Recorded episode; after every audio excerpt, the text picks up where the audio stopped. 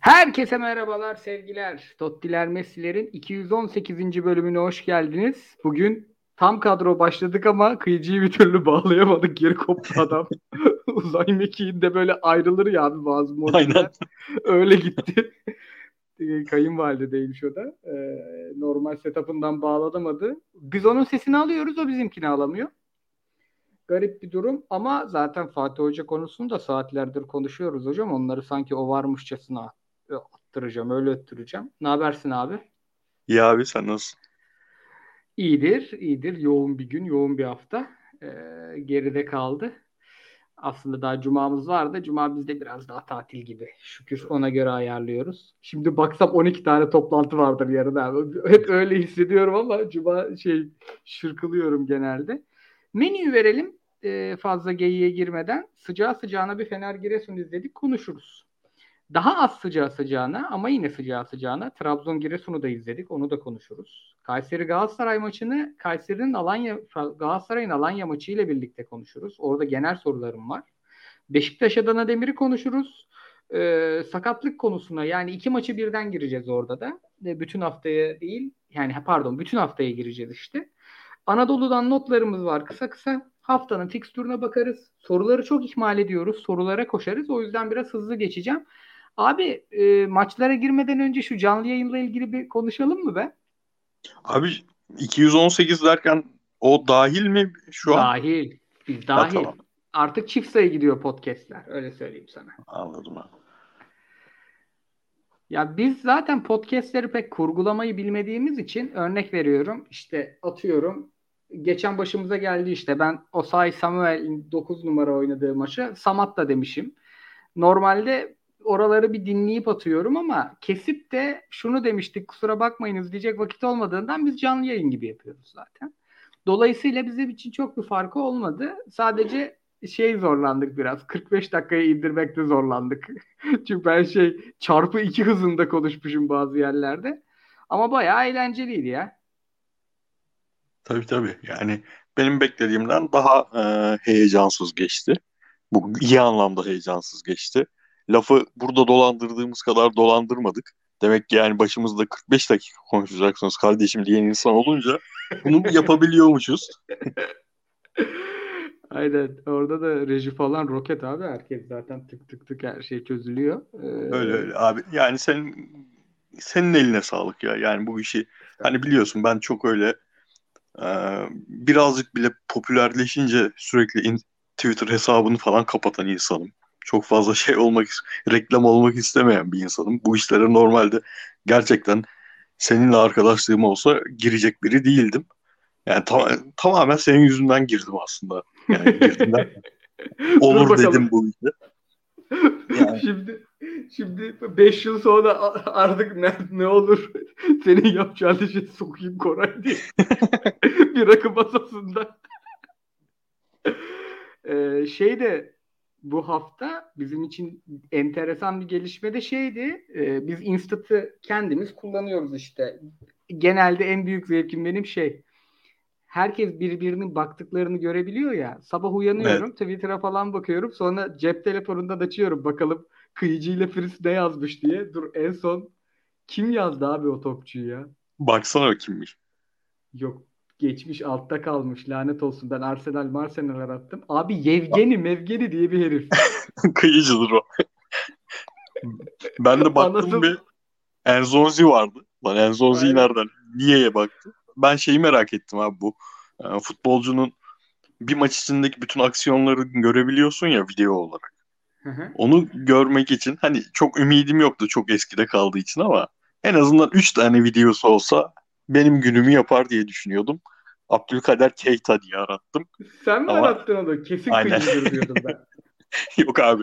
Ulan, çünkü abi Abdülkader Keita'yı biliyorsun Galatasaray'a geldiğinde de e tabii 2009 muydu 2010 muydu yani YouTube'un böyle futbolcu videolarının çok coşmadığı bir dönemde. Doğru düzgün videosu yoktu adamın zaten. Hani çok skorer bir, biri de olmadığı için. Lyon'da 3 tane driplingi var. Bir tane milli takım golü var falan.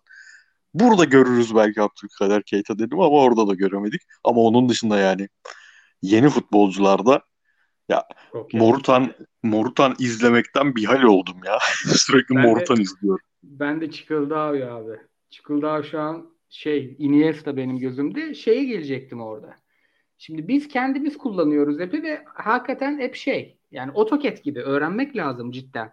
Yani neyin ne anlama geldiğini bile ben tam anlayamadım. Ee, yavaş yavaş kurcaladıkça anlıyoruz. Bizim Instat'tan tam verim almamız herhalde bir Ekim ortasını bulur. Bir 15-20 Evet, gün evet, daha kurcalanınca bayağı detaylı bir iş çünkü. Yani Abi zaten istatistik işinde e, bu işin e, kompetanları yani mesleği bu olanlar.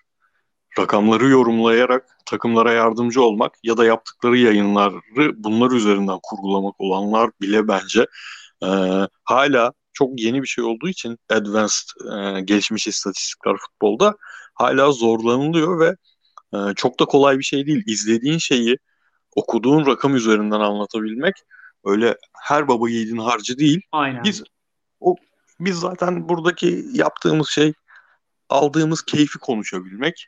Bu- Evet. o- onu aktarabilirsek bizim için başarılı bir girişim olmuş olacak. şey gibi abi bu e, böyle ya ben oyun oynarken çok seviyorum onu.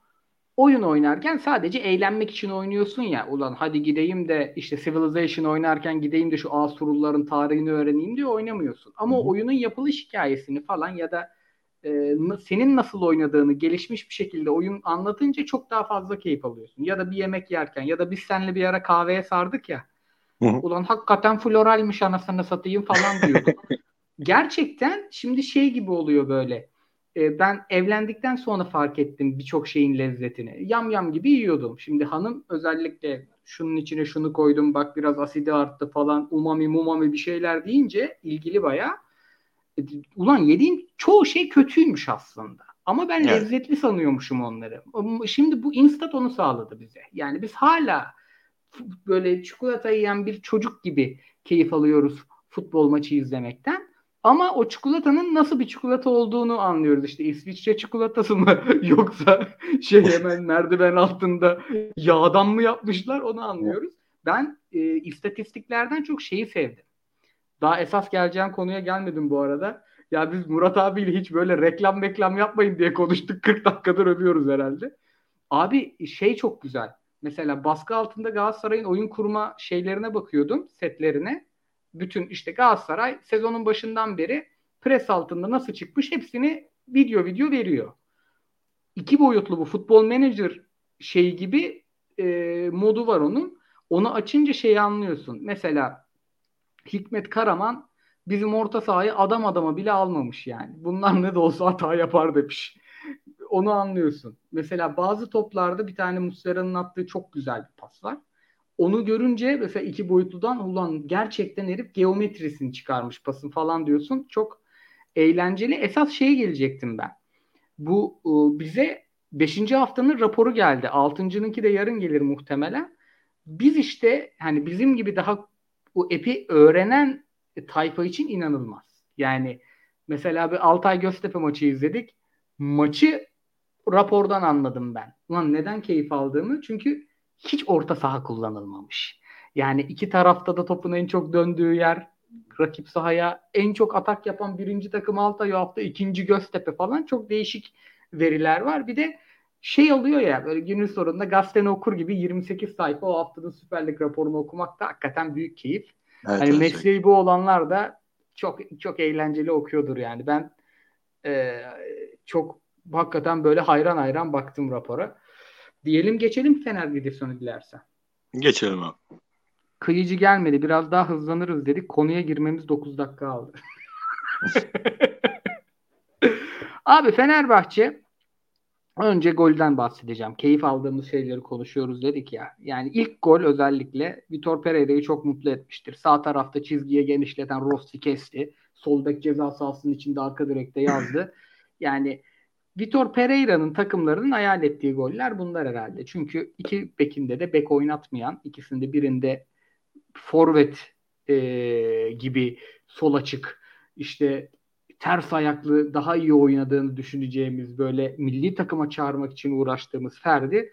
Diğer tarafta da e, menşei bek olmayan Osay Samuel herhalde bu yüzden oynuyordur yaptı. Ama yani Galatasaray kadar sorunlu değil Ama ben yani bu sene gol atmamış Giresun'un Fenerbahçe'nin kalesine bu kadar kolay gelmesini, penaltı kazanmasını, ondan sonra üstüne golü atmasını biraz yadırgadım ya. Hani bu da şeyden olabilir, yorgunluktan olabilir. Şu, sonuçta Luis Gustavo da bayağı kilo, kilometre yaptı bu hafta.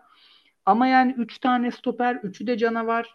Biraz Serdar Aziz'in varlığına mı yoracağız, ne yoracağız bilmiyorum. Fenerbahçe'nin yani Vitor Pereira takımların hep sağlam savunması üzerinden anlatırız ama bugün pek sağlam değildi sanki o savunma. Sen ne diyorsun öyle başlayalım.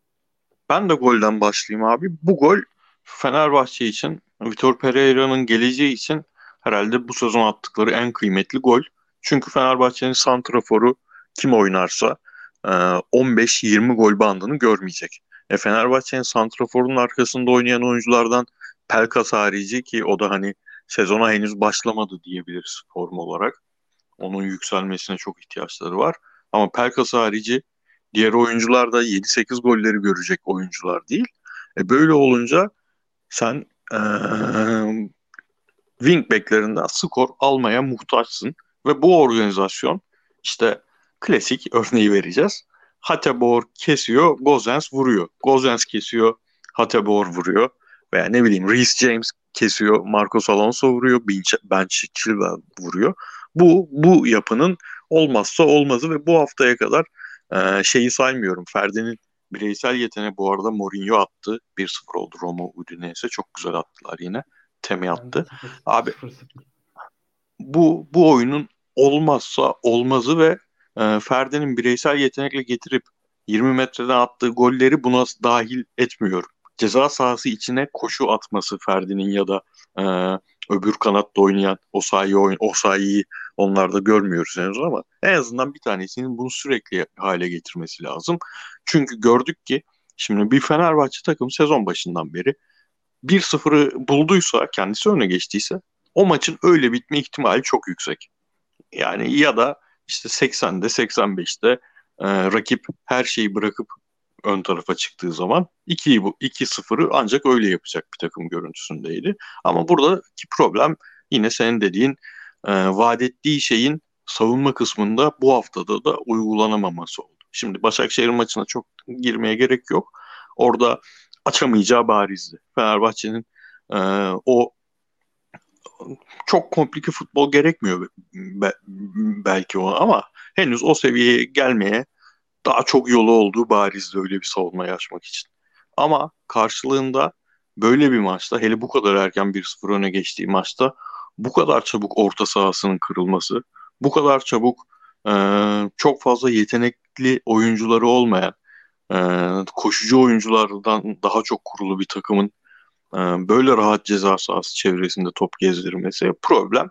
E, Vitor Pereira vaat ettiği en temel şey sağlam kurgu, sağlam savunma. Hala işte Galatasaray'da göremediğimiz en temel şey.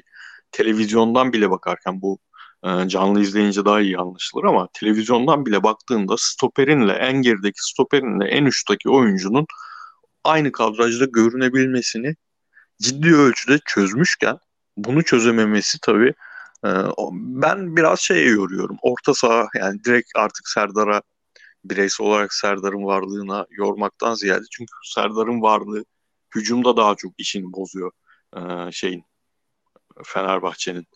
Çünkü e, işte Salahi de o koşuları atıyor, topla çıkıyor. Kim yapmaya başladı şimdi Tisserand yerine. Ama savunma kısmında birebir Serdar'a bırakmak yerine orta sahada kırılgan bir takım bu. Orta sahada kırılgan olmaya da personel sebebiyle devam edecek bir takım gibi geliyor bana. Abi peki bu kırılganlığı topla çözemezler mi ya? Mesela İrfanlı Gustavo'lu şöyle yani e, şimdi Mert Hakan'ın mesleği oyun kuruculuk değil. Çok daha başka meziyetleri var. Çocuk Ki en iyi aslında Fenerbahçe kariyerinde de en iyi oyunu orada oynuyor. Yani evet. Gustavo'nun yanında oynuyor. Herhalde 5-6 maç oynamıştır burada. En iyi futbolunu hep burada oynadı ama o da yetmiyor. En iyi halde yetmiyor tabii. Yani İrfan biraz daha oyunu e, yani ele alabilen, tempoyu ayarlayabilen bir oyuncu. Mert Hakan hep 6. viteste. Hep topun süratini arttıran, hep şut atan, hep driplingle giden. Ama Mert Hakan şey e, İrfan öyle değil. İrfan alır, stoperine döner, alır, terse uzun bir atar Yani oyunu da rahatlatabilen bir oyuncu. E, kendi şey e, Mert Hakan gibi dribbling yapmak için çok hıza ihtiyacı olmayan, ağır ağır topu götüren, taşıyan, rahatlatan hani pivot özellikleri de var çocuğun aslında. Bence onu hücumda değil de merkezde, orta sahada değerlendirirlerse 1-0'ları daha rahat oynarlar gibi geliyor bana.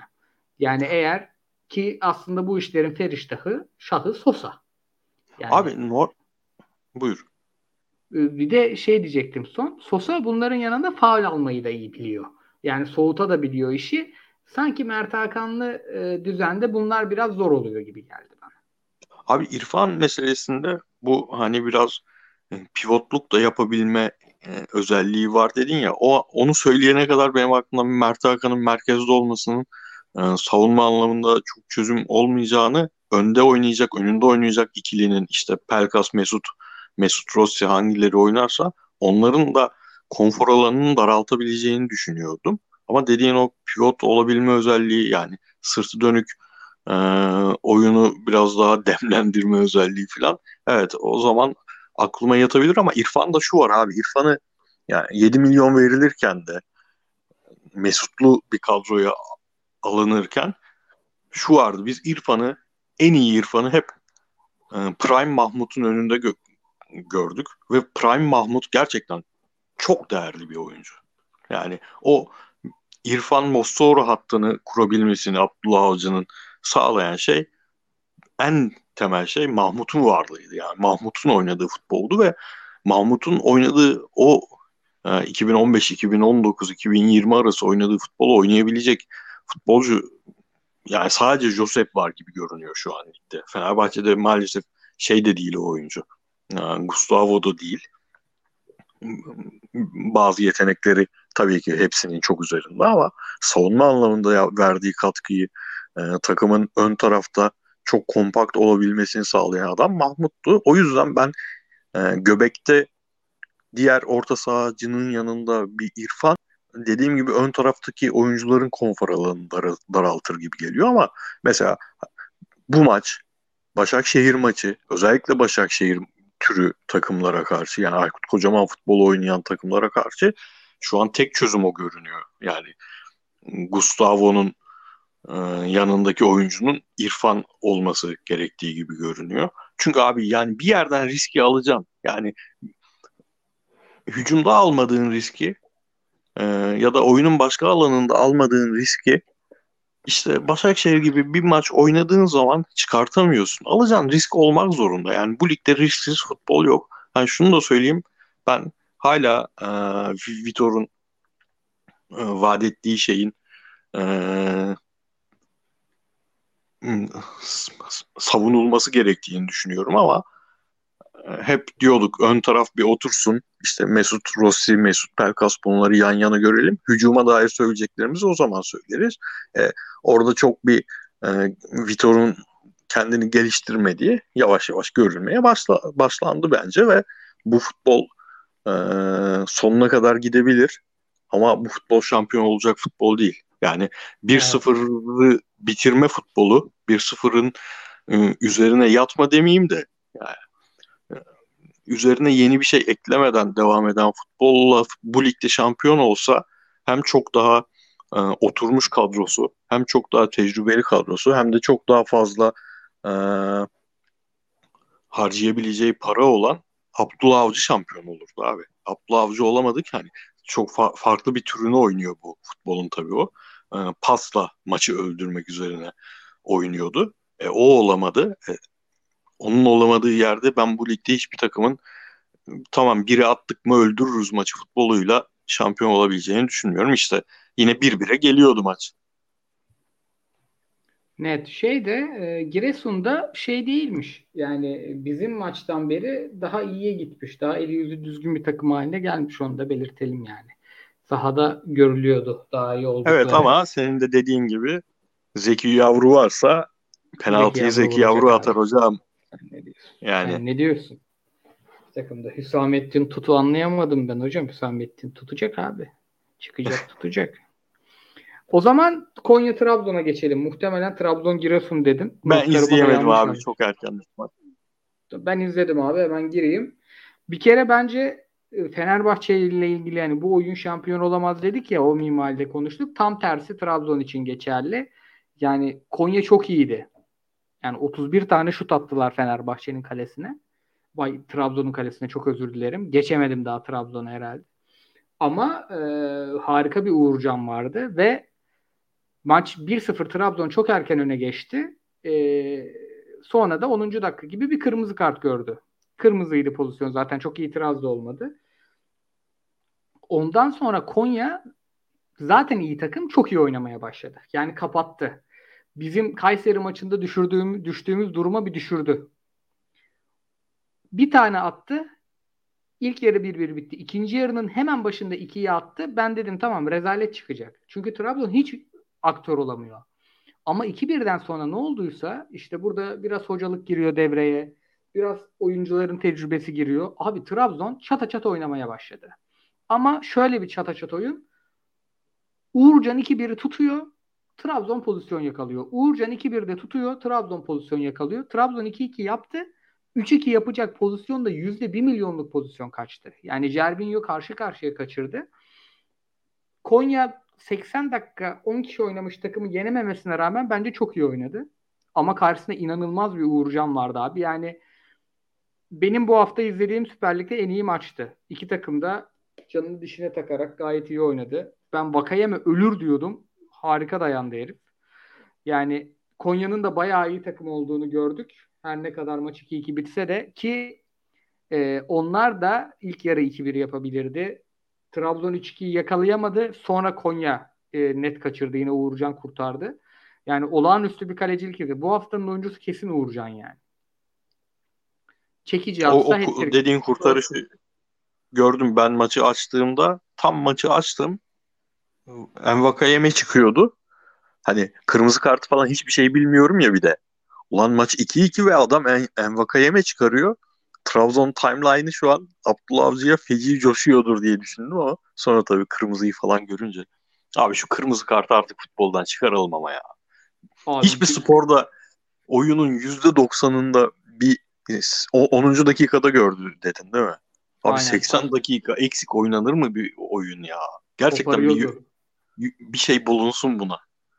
Bileğini koparıyordu çocuğun ya. İstemeden yaptı. Zamanlama hatası. Ee, ama koparıyordu bileğini. Abi tamam şey olsun. O oyuncuyu mesela e, çıksın oyundan o hatayı yapan oyuncu. Ağır da ceza verilsin daha sonra. Eğer isteyerek yap, yap, yapıyorsa öyle bir hareketi. Daha sonra ağır da ceza verilsin. Yerine başka oyuncu girsin ama abi. yani çok benim çok neşem kaçıyor. Bir takım 10 kişi kalınca hiç izleyesim kalmıyor maçı. Valla ben de açıkçası e, dedim zaten saati de ters. E, e, tadı kaçar dedim ama inanılmaz lezzetli oldu ya. Yani Konya bayağı iyi takım olmuş. Vızır vızırlar. Yani o e, bu çok gezen atik çocuk kimdi ya? Hemen bulacağım. Serdar Gürler. Heh, Serdar Gürler. Şey olmuş ya sistem topçusu olmuş. Tıkır tıkır top oynuyor aslan parçası. Hiç şey yok eyvallah yok. Vakayeme ilk yarı kendini parçaladı ama. Yani Köybaşı'nın yerine de sol bek oynadı herif. Tabii orada Tepki şimdi şey var. Yine bir Envakayeme'ye sözleşme ne zaman verilecek şeyi var. Vakayeme de coşturuyordur o yüzden. Aa kontrat sezon diyorsun. Haklısın abi doğrudur valla. Yani e, ben haftanın izlediğim en iyi maçı bunun bu maçın e, instat raporunu çok merak ediyorum ya. Yarın çıkar. Çok merak ediyorum. Sapık sapık istatistikler çıkacak yani. Abi 31 tane şut attı Konya. Manyaklık yani. Şimdi bizim işte ilk yarı rekoru kırmışız biz 9 şut Kayseri maçında. Düşünsene. Adam 15 şutu bir devreye sığdırıyor. Diyelim e, bizim maçlara dilersen geçelim abi. E, şimdi burada aslında Alanya'ya Alanya Kasımpaşa maçına bakamadık. Aynen. Zaten Anadolu'dan notlarımızda Alanya yok da e, Rize, Başakşehir, Altay var bu hafta. E, şimdi hem Alanya hem Kayseri maçını bir arada konuşmak istiyorum. Beşiktaş'ta da yapacağım aynısını. Şimdi... Abi Alanya maçını, Alanya Galatasaray maçını zaten benim konuşacak halim yok. Şimdi iki cümle etsem dersin ki ulan pezevenk maçı izledin mi? Telefondan kafanı kaldırıp baktın mı maça? Hocam ilk canlı yayın günümüz öyle iş bölümümüzü yapacağız. Ben Sen izledin ama ya. Sen hiç... Abi ben ek- ekrana kilitlendim ben. Abi şimdi burada kıyıcının olmasını isterdim. Çünkü kıyıcının çözüm önerisi bir tek kıyıcıdan duyduğum bir öneri. Açıkçası. Ben ee, bu iki maçlık kontak kapatma haline biraz oyuncuların vücut dilinden gördüğüme falan bakarak ben e, sonda söyleyeceğim, başta söyleyeyim. Çok seviyorum Fatih Hoca'yı. Hatta genelde bize ya özellikle bana ya Belanda'dan ya da terim sevgimden dalıyorlar. E, ben hoca giderse üzülmem artık. Çünkü bir şeylerin belki ben abartıyorumdur. Belki benim bunları görmek haddime değildir, uzmanlığım değildir. Zaten değil uzmanlığım ama yıllardır maç izleyen bir Galatasaraylı olarak ben gördüm oyuncuların pek de inanmadığını işe. Ama bunun dizilişle alakası olmadığını düşünüyorum ben. Çünkü günün sonunda şu da var. Geçtiğimiz hafta bugün de Lazio'yu nasıl silkelediğimizi konuşuyorduk kendi aramızda. Dolayısıyla çok basit bir çıkarım gibi geliyor ama ya Lazio maçına hazırlanıldığının onda biri hazırlanılmamış gibiydi bu Kayseri maçına ya da Alanya maçına. Çünkü 20 transferli takımda bir sürü bir rotasyon. Hatta oradan başlayalım. İki maçta da çıkan kadrolar çok garipti. Ya sanki Galatasaray çok tecrübeli bir takımmış, çok uzun süredir bir arada oynayan bir takımmış ve hiçbir sorunu yokmuş gibi. Niye böyle sanki FIFA'da oyuncu değiştirir gibi 6'şar 7'şer değiştire değiştire gitti? Özellikle yani Alanya maçında hiç değiştirmeyip burada 6 tane birden değiştirmeyi ben hiç anlamadım. Ben koptuğunu düşünüyorum işin ama hala ihtimal olduğunu düşünüyorum. Birleşebilir. Daha önce de koptu birleşti Fatih Hoca'nın takımla e, şeyi. Ama ben sorunların diziliş, taktik, oyun değil tamamen çalışmamak, hazırlanmamak tamamen kadronun yanlışlığı olduğunu düşünüyorum. Önce sana bir atayım pası orada. Abi o kadar çok konu başlığı açtın ki şimdi hangi birine girsem ben hepsine beşer dakika konuşurum. Konuşalım ee, sen... bugün. Ben kıyıcının söylediklerini de söyleyeceğim çünkü kıyıcı en en çok tartışacağımız programdı. Ee, sen istediğinden gir. Ben yani bu Galatasaray'ı ayıralım 20 dakika. Bir saatte bitiririz işi. Daha 27. dakikadayız. Ya diziliş muhabbetinden gireyim önce. Diziliş evet ben de hani e, oyuncu oyuncuların yeteneklerine, oyuncuların özelliklerine göre diziliş seçilmesi taraftarıyım. Ama dediğin gibi Galatasaray'ın diziliş üzerinden yapacağı değişiklik sadece anlık değişimlere neden olur. 3 maç bakarız. Aa bak biz iş atıyorum, sallıyorum tamamen. Ulan 3-5-2'ye döndük veya 3-4-3'e döndük. 4-2-3-1'e döndük. 4-4-2'ye döndük. 3 maç millet böyle herkes haklı çıkma şeyi var ya e, heyecanı herkeste. 3 maç herkes ya boşuna aylardır 2 senedir çile çekiyormuşuz, inat ediyormuşuz. Bakın değişti ne güzel oldu falan denir. Sonra bir bakarız yine başa dönmüş. Yani Etebolu 4-3-1-2 abi. Evet abi aynen abi. Sürdürülebilir bir şey çıkmaz oradan. Çünkü ben de bu konuda seninle hemfikirim. Ee, kıyıcıdan ayrıldığımız yer. Ee, Galatasaray yani Fatih Terim soyunma odasını ha, hangi sebepten bilmiyorum. Ee, oy, kaybetmiş yani oyuncuların bu takımda isimler isterse yüksek profil olsun, isterse düşük profil olsun bu, bu takıma geldikten sonraki performansı geldikleri zamanki performansıyla bu takımla vakit geçirdikten sonra e, ki oluşan performansları her, neredeyse hepsinde bu denli dalgalıysa bir şeyler kaybedilmiş soyunma odasında. Yani ben marka olayında eyvah demiştim. Çünkü bir Fatih Terim takımında ne olursa olsun öyle bir şeyin yaşanma ihtimali yoktu geçmişte. Yaşandı. E, daha sonra maç sonu açıklamalarında hep e, iki senedir dediğimiz ya ulan yani çok kötü oynuyor takım. Değişiklikler çok kötü oluyor. Hoca olumlu şeylerden bahsediyor. E, teknik direktör bu adam en nihayetinde yani. Tabii ki böyle gerçekten böyle düşünmüyordur diyerek iki buçuk üç seneyi geçirdik. Ama şimdi görüyoruz ki yani şu maçtan sonra bile e, Kayseri Spor'un sadece iki şutta gol attığı, Kayseri Spor'un bir tane duran top kazanıp oradan gol attığı, yine futbolcuların suçlandığı bir noktaya geldiyse e, bu oyuncuya dönüp de işte kardeşim biz 4-1 4-1 oynuyoruz. Senin bu 4-1 4-1'deki rolün şu. Sen böyle yaptığında şu böyle yapacak bu falan bunlar anlatılınca da tutmuyor sanki abi. Yani e, Emre Kılınç şeyin yenilen golün sorumlusu ilan ediliyorsa yani ben Fatih Terim'in hiçbir zaman çıkıp e, bir faul yüzünden oyuncusunu böyle eleştirdiğini görmedim. Yani direkt tabii isim vermiyor ama hiç yapılmaması gereken yerde faul yapılıyor ve gol yiyoruz ya. E şimdi bu, adamdan verim al tekrar nasıl alınacak? E bunu kolektif yere vurduğun zaman da e, sonuç bence bu oluyor. Katılıyorum abi ve orada yani madem sahanın daha dışından gidip devam edelim. Şimdi e, Kayseri'de oynandı bu maç. Göztepe var içeride. 15. dakikadan sonra başlar istifa demek. Artık o kalmadı o tribün. Yani hoca Ali Samiyen'i falan özlemiş. Okey ama Ali Samiyen'de biz bozuk paralarla gidiyorduk maça. Şimdi bir maçın maliyeti 500 lira. Yani asgari ücretin 5'te biri, 5,5'ta biri. Ee, artık parayı veren talep ediyor. Ve şunu talep ediyor. Genç takıma destek vermeyi de talep ediyor. Oyunu görmeyi talep ediyor. Ama ben şurada çok büyük bir ikiyüzlülük görüyorum. Şimdi genç takım kuralım. Tamam. Geleceklerine yatırım yapalım. Tamam.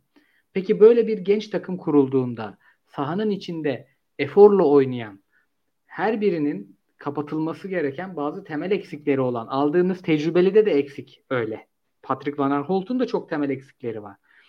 Burada bu oyuncuların çok koşup iş yapması için en çok teknik ekibin çalışması lazım. Yani bu sene kafayı yastığa koyarken Beşiktaş'ın teknik direktörü diyor ki Pjanic çözer diyor ya. iki tane atar araya çözer. Sen öyle bir takım kurmadın. Sen öyle bir takım talep etmedin. Sen koşacak, basacak, senin çizeceğin, senin oynatacağın bir takım talep ettin. E o zaman en azından böyle bir da ya şey oldu yani Lazio maçında yapabilirlikleri gördükten sonra artık bu takımın geriye gitmemesi lazım.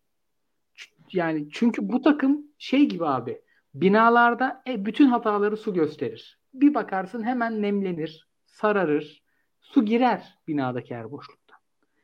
Burada da bu tarz takımlar direkt hocayı gösteriyor abi. Beyaz, hoca bembeyaz gömlekle çıktı dışarı. Hoca toz tutar.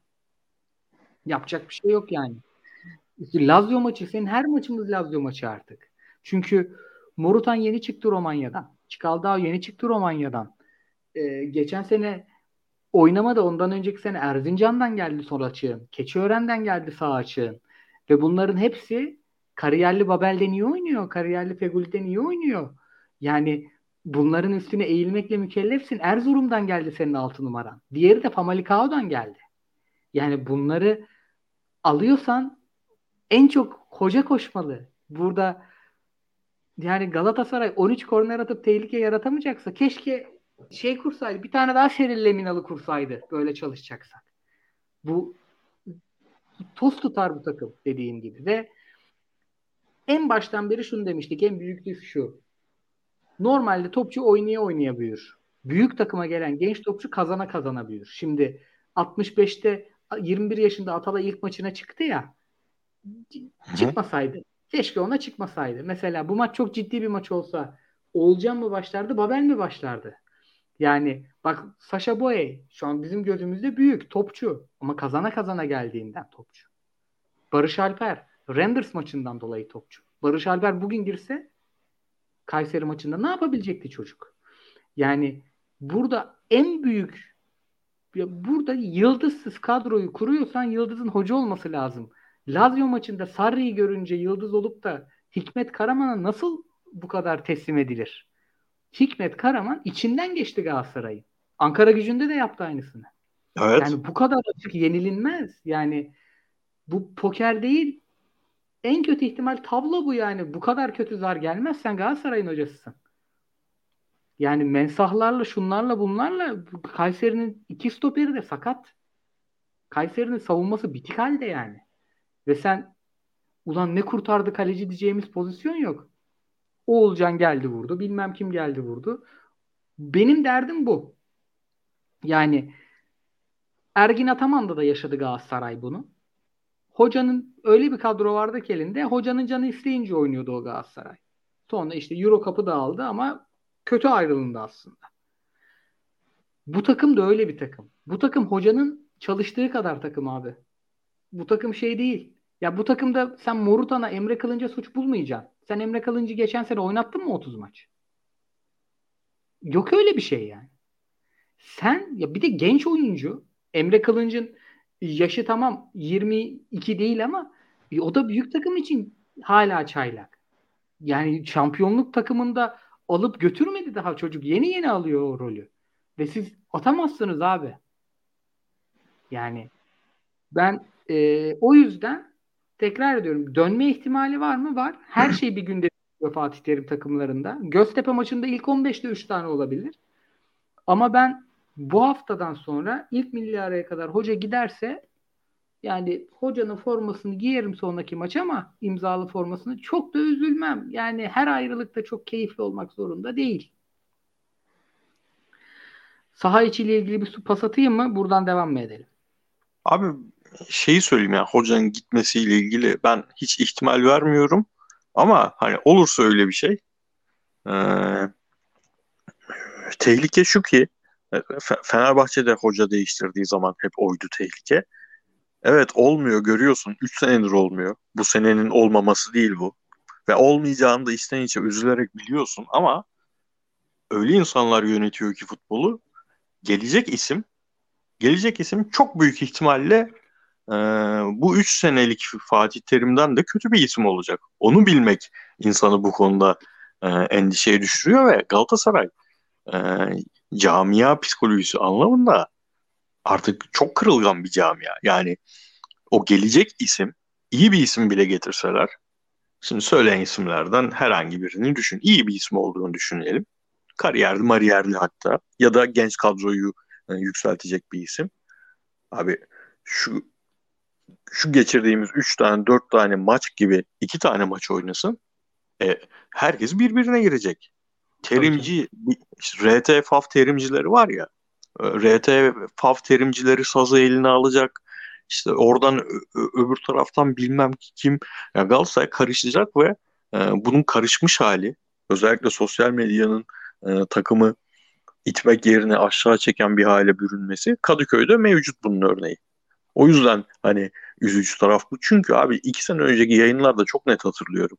Yani çok bağırıyordu takım bu takım sıfırdan yeni bir takım inşa etmek zorunda Galatasaray ve artık öyle tek transfer döneminde gidip 2017-2018 kadrosu kurma şansın yok. Kurduğun zamanda da geldiğin nokta bu oluyor. E, sıfırdan kuracaksın. E, bunu bu ülkede yabancı hocayla yapma ihtimalin yok. E, kim istersin abi?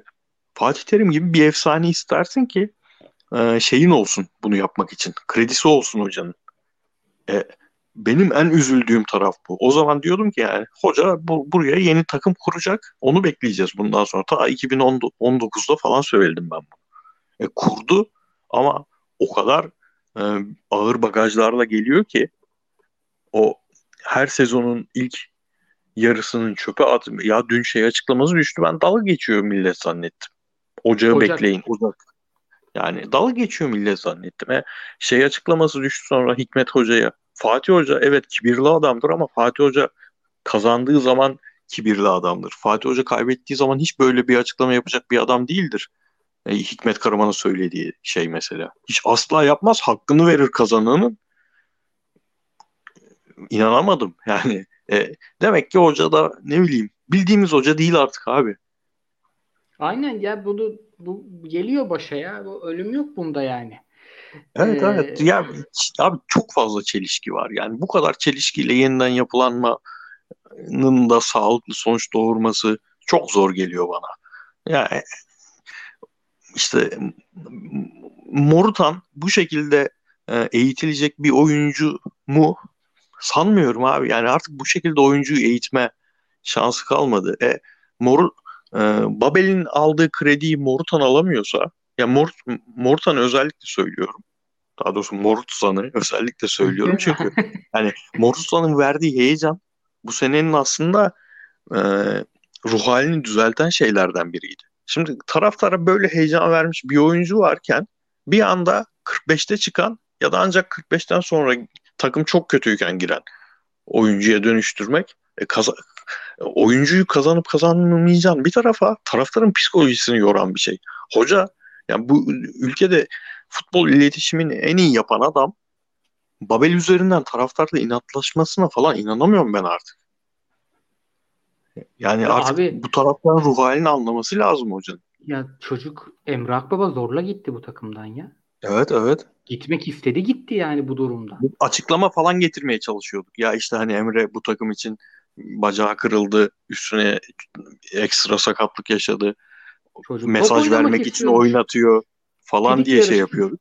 Aynen Sidik yarışına meze oldu Emrah Baba'ya. Şeye geleceğim bir de şimdi oyunla ilgili çok e, eleştiri okudum. O, eleştiriden kastım şu. Ya şu pasla çıkmak zorunda mıyız? Şimdi pasla çıkma denen şey senin hızlı, genç, atik, önde basan, rakip mesafeleri açtığı an iş görecek oyuncuların birebir kalsın diye yapılan bir şey. Yani aslında sen sana bassınlar diye, önde bassınlar diye pas yapıyorsun. İşte Alanya basmadı, açamadı. Örnek vereyim yani tersinden. Direkt Alanya maçı bir örnek. Kayseri bastı. İlk yarı 9 şut çektin. Bak kötü oynadın ama 9 şut çektin. Neden? Çünkü sen orada geçtiğin andan itibaren senin öndeki dörtlün rakibin geri dörtlüsünden en en en kötü ihtimalle daha iyi topçu olmasa bile daha atlet. Ve topla yüzü dönük geliyor. Sen stoper kale sırtında arkasındaki bir şey koruyor savunmacılar. Dolayısıyla burada çözüm şu değil bence. Abi pasla da oynamayalım. Şişirelim Cagney'e. Yok öyle bir şey. Bunu oynamak zorunda Galatasaray şampiyon olacaksa. Beşiktaş da stoperiyle kurmak zorunda. Fener zaten 3 stoperle ondan oynuyor. Yani bu kulüplerin ya şey Farioli de mi gerizekalı? Kara Gümrük'te. Önde full karateci var ya. Kerim Fraylar, Emre Morlar, bir Pesic Roket. Garip garip adamlar var. Gerçi onlar şeyi de aldı değil mi? Karamoh'u aldı. Karamoh da müthiş. Hmm, Karamoh da. Şimdi baştaki transferlerle heriflerin hakkını yemeyeyim. Karamoh var, Pesic var, Roket herifler var ama aslında kadronun tamamına baktığında Jimmy Durmaz falan da oynuyor abi. Sen şimdi Jimmy Durmaz'ı göndermek için takla attın.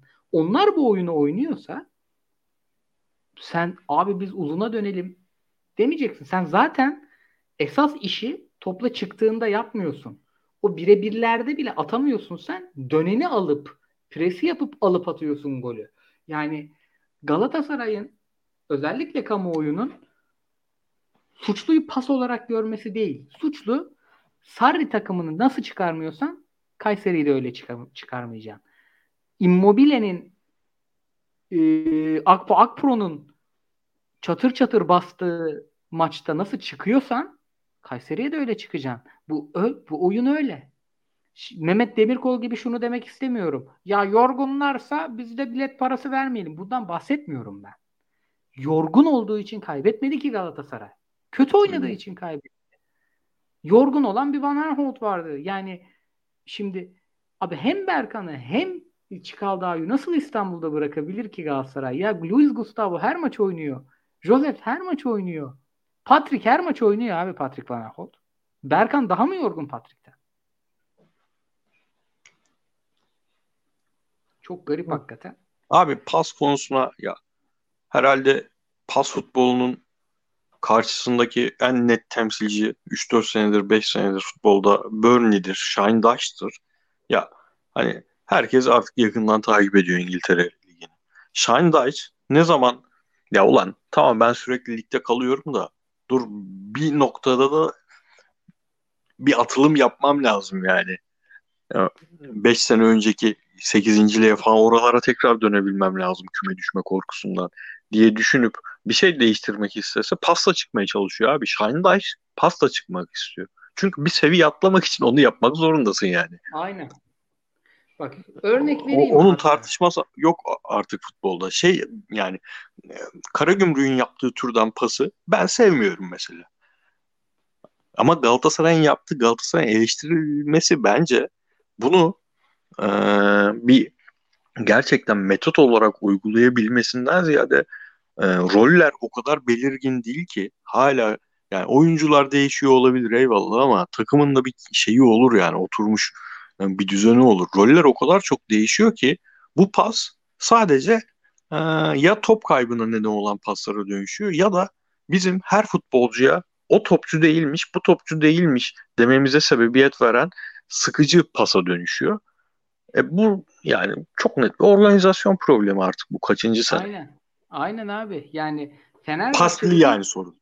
aynen Fenerbahçe'de geçen seneki Tisserand'la bu seneki Tisserand'ın farkı Aynen. o organizasyon işte. Yani Galatasaray'da şimdi lig maçlarında Nerson kötü gözüküyor abi. Çok kötü Ama- gözüküyor hem de abi. Lazio maçında 20 milyonluktu. Evet. 20 milyonluktu. Lazio açar bir de iyiydi Lazio maçında. Burada başı kesik tavuk gibi. Pasla ilgili şöyle güzel de bir elimizde veri var. Şimdi Alanya'da Bülent Hoca bize basmadığı yönde. Hı hı. Yani biz aslında olmayan bir baskıyı kırarak çıktık. Çünkü kimse basmadı. Abi en çok toplu oynayan o haftanın Galatasaray kaybettiği maçtan bahsediyorum bakın. %57 toplu oynamış Galatasaray.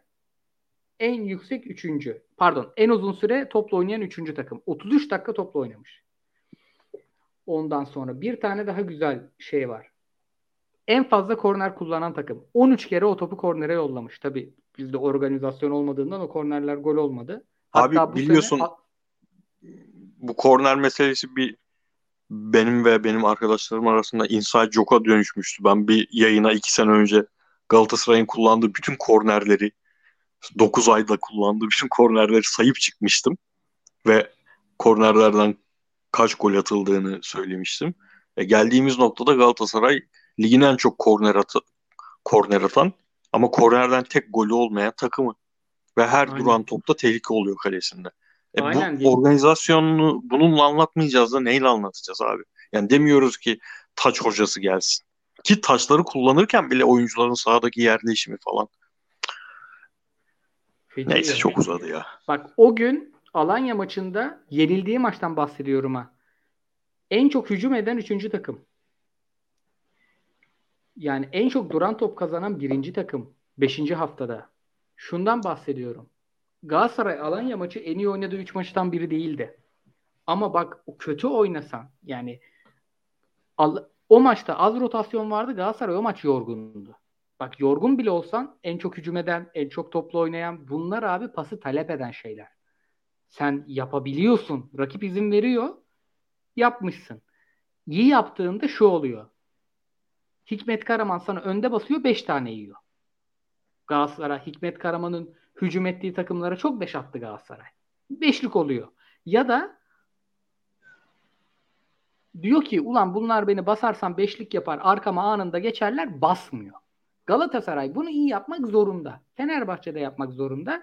Beşiktaş'ta yapmak zorunda. Beşiktaş diyor ki ben stoperlerimle yapacağım bunu artık. Ön liberondan bile talep etmeyeceğim diyor. Galatasaray 6 numarasına kim bassa ağzına sıçıyor. Böyle iş olmaz abi.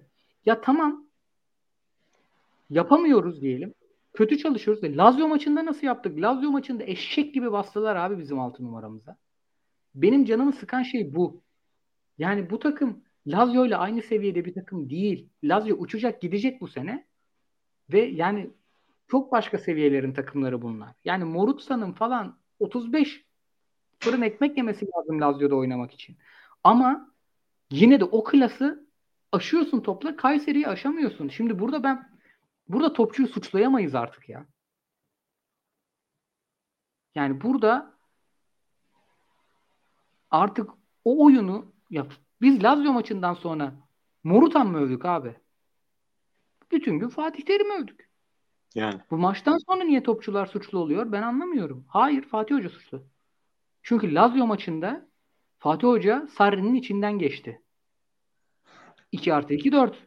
Ama Kayseri maçında da Hikmet Hoca Fatih Hoca'nın içinden geçti. Yani Sarri'nin eğildiği gibi hocanın da bir elini sıkması lazımdı Hikmet Hoca'nın. Trip yapması değil. Bir helal olsun demesi lazımdı yani. Aradaki Şimdi ikisi de aynı hocaysa burada tabii ki de hocaya bulacağız şeyi ve serili takım bu dalgalanmayı kurtarır. Herif klas ya da Feguli'nin Feguli olduğu takım atar iki tane alır. Bu takım yok abi. Bu takımın en istikrarlı ismi hoca olacak. Oyuncuların performansı hayvan gibi dalgalanacak çünkü. Bunlar gencecik çocuklar ya. Herif Rumenca'yı bile bilmiyor Morutsan.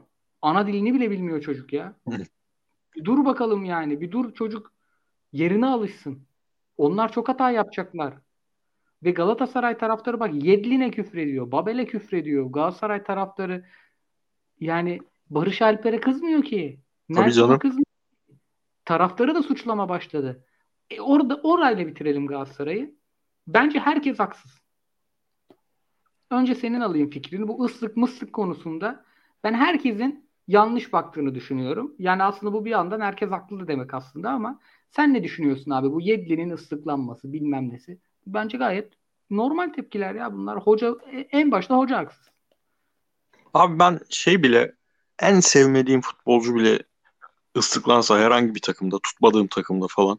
Böyle nefret ettiğim adam ıslıklansa atıyorum kim gelecek? Hani Volkan Demirel'den aşırı nefret ettiğimiz bir 2010 dönemi falan vardı ya.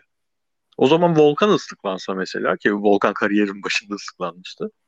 O zaman üzülürdüm mesela. Sevmediğim bir ıslıklansa bile üzülürdüm. Ben insani bulmuyorum insan ıslıklamayı. Ama çok normal. Çok çok normal. Yani e, belki Yedlin'i ıslıklamam da yani Yedlin'i alanı ıslıklarım.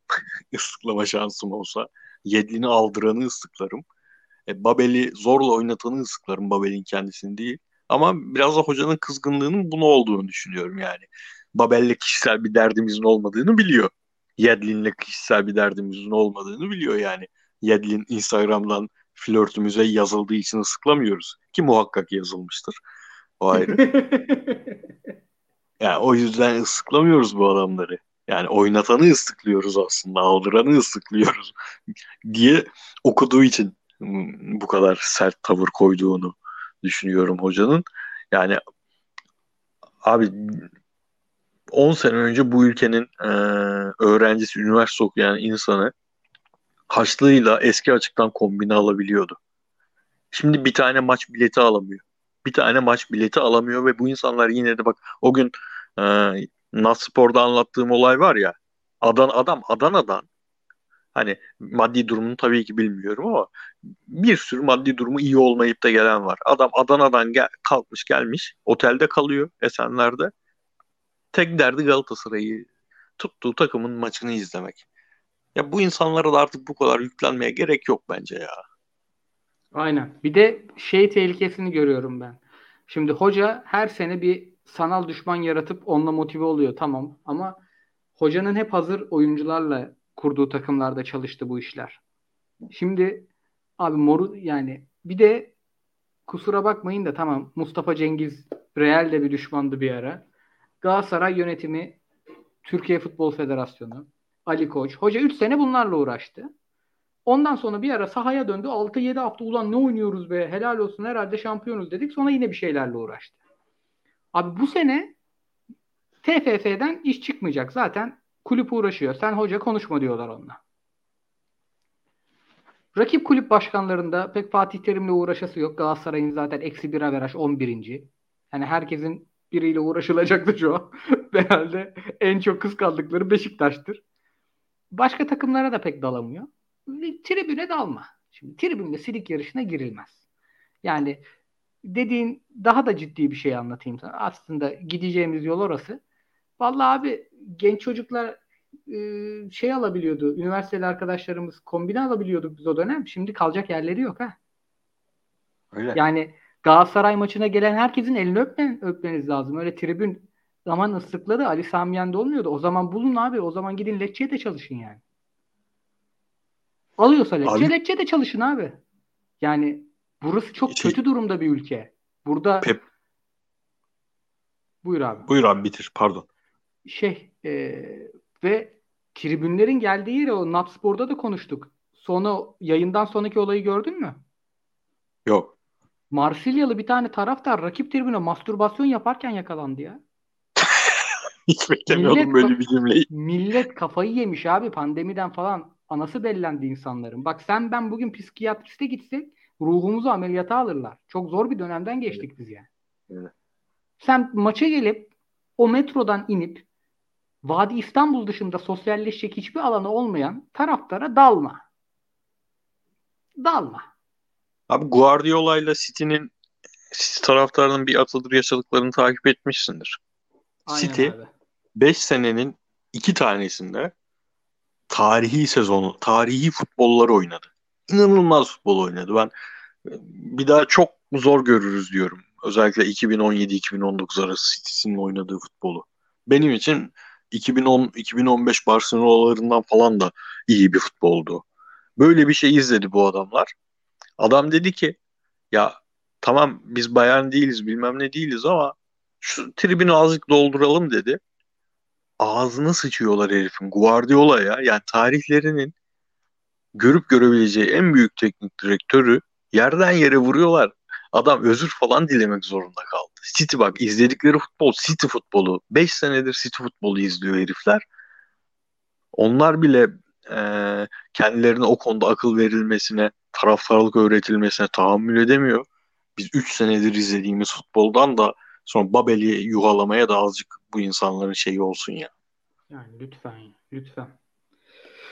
Geçelim Beşiktaş'a. Beşiktaş'ta iki maç konuşacağız. Galatasaray'ı biraz fazla uzattık ama uzatmamız da lazımdı. Ee, yani çünkü bu haftanın gerçekten negatif anlamda tek gündemi neredeyse Galatasaray'dı. Beşiktaş'ta da şöyle bir durum var. Abi Beşiktaş'ın ben oyununda öyle bir dert görmüyorum. İki maçı da izledim.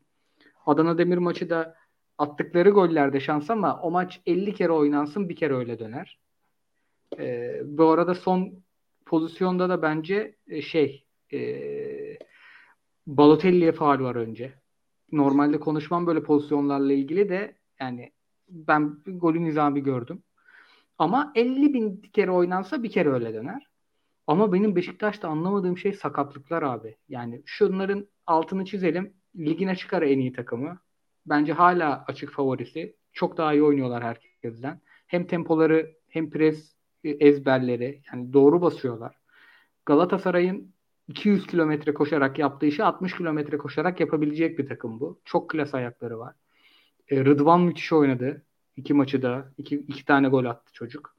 Yani bizim çok sevdiğimiz bir oyuncu döndü. Ama bir ya bu takımın iki tane sıkıntısı var abi. Bir numaralı rakibi bunların kendi zeminleri. Bence Aynen o sakatlıkları. zemin nedir ya? Abi kum kalkıyor ya şey gibi. At yarışı kum pist gibi. Çok kötü. Ve yenilenmiş zeminmiş bu bu arada. Evet evet. İkincisi de abi çok fazla sakatlık oluyor ve ben darbeliyi çok görmedim yani. Gezzal bir ikili mücadelede yıkıldı gitti. Maçtan sonra Batshuayi de patladı. Larin'de de dert var. Beşiktaş 16 kişilik kadroyla gidiyor Altay maçına. Altay zor. maçının dö- Altay maçının dönüşü Ajax. Yani sakatlıktan hafif döneni de sakatlar. Şey Marsilya ve Ajax, Dortmund ve Lazio'dan daha iyi takımlar değiller. İkisi de bence daha kötü ama şu an daha iyi durumdalar ikisi de. İkisi de makine gibi. Yani bu hafta içi zaten rezalet yaşanabilir iki, ta- iki takımdan birinde. Çok zor bir döneme giriyorlar. Yani çok puan kaybederek çıkarlar mı bilmiyorum. Çok fark eder mi? Beşiktaş 8 puan geriye düşse de döner. Ama bu sakatlıklar ve zemin şey geldi bana. Yani bu kadar iyi takımı ulan tek favori alır yürürden bir tık aşağı düşürdü bende bu hafta. Abi bu hafta şeyi de gösterdi aslında. Bizde neden üst üste şampiyonluk çok zor bizim ligde? İşte iki taneyi gördün mü üçüncü de artık istediğin kadroyu kur dağılıyorsun gidiyorsun. Bir kere yani bu ligin bir Bayern Münih olmama sebebi e, hele artık özellikle yeni nesil çabuk mu doyuma ulaşıyor bilmiyorum yeni futbolcular. Yani çok çabuk doyuma ulaşılıyor. Çok çabuk e, biz olduk yani tamam biz alır yürür, yürürüz havasına giriliyor. Onu gördük yani. Sadece Sergen Hoca Evet. da dedi bunu. iki oyun iki kadro arasındaki fark çok büyük. Yani rotasyonlu kadrosuyla rotasyonsuz kadrosu arasında inanılmaz bir fark var yani. Ve olmak da zorunda malum maaş bütçeleriyle. Ama işte eee, kazanmış olmalarına rağmen hem Antalya maçı hem bu maç özellikle bu maç E, çünkü kadro değişmeden, değişiklikler gelmeden önce de Adana almıştı oyunu. Yani Adana özellikle orta sahayı ele e, Pjanic varken bile alabildi. Çünkü Beşiktaş bu maça ya biz bu ligin e, çok net şampiyonuyuz. Çok net şampiyonuyuz. E, üçü de atmışım. Futboluna döndü. Ona döndüğü an bu ligin hiç acıması yok. E, e, bunun da şey gerekiyor biraz. Rakibin iki tane, üç tane kaliteli ayak olması gerekiyor. Adana Demir için her istediğimizi söyleyelim ki Montella e, organizasyonu kurmaya başlamış. Fena takıma dönüşmeyecekler gibi görünüyor. Ama öyle olmasa bile iki tane, üç tane yetenekli ayağı var mı? Var. Bekleri iyi, e, Balotelli attı sahaya filan. E, o, o yüzden şaşırtıcı değil. Ama dediğim gibi bu sakatlıkların iki taneyi veya rotasyon olduğu zaman iki taneyi kaldırabilir. Ama aynı anda Gezal, Rozier, Batshuayi üçü birden mesela olmasın. Bu takımın oynadığı futbolun bir senedir izlediğimiz futbolla alakası kalmıyor ve kalmayacak. Bakalım nasıl çözecekler. Abi tam o soruyu soracaktım. Beşiktaş rotasyonu genişletti. Sergen Hoca'nın lafı bu da. Yani artık çok daha alternatifliyiz dedi ama Joseph bence e, bir yedeği bir ikamesi olmayan bir oyuncu şu an sahada. Evet. Atiba o işleri yapamıyor. E, bu yaşında yapamıyor ya da e, Necip falan da Topal Necip yani direkt oyunu çok geriye götürüyor.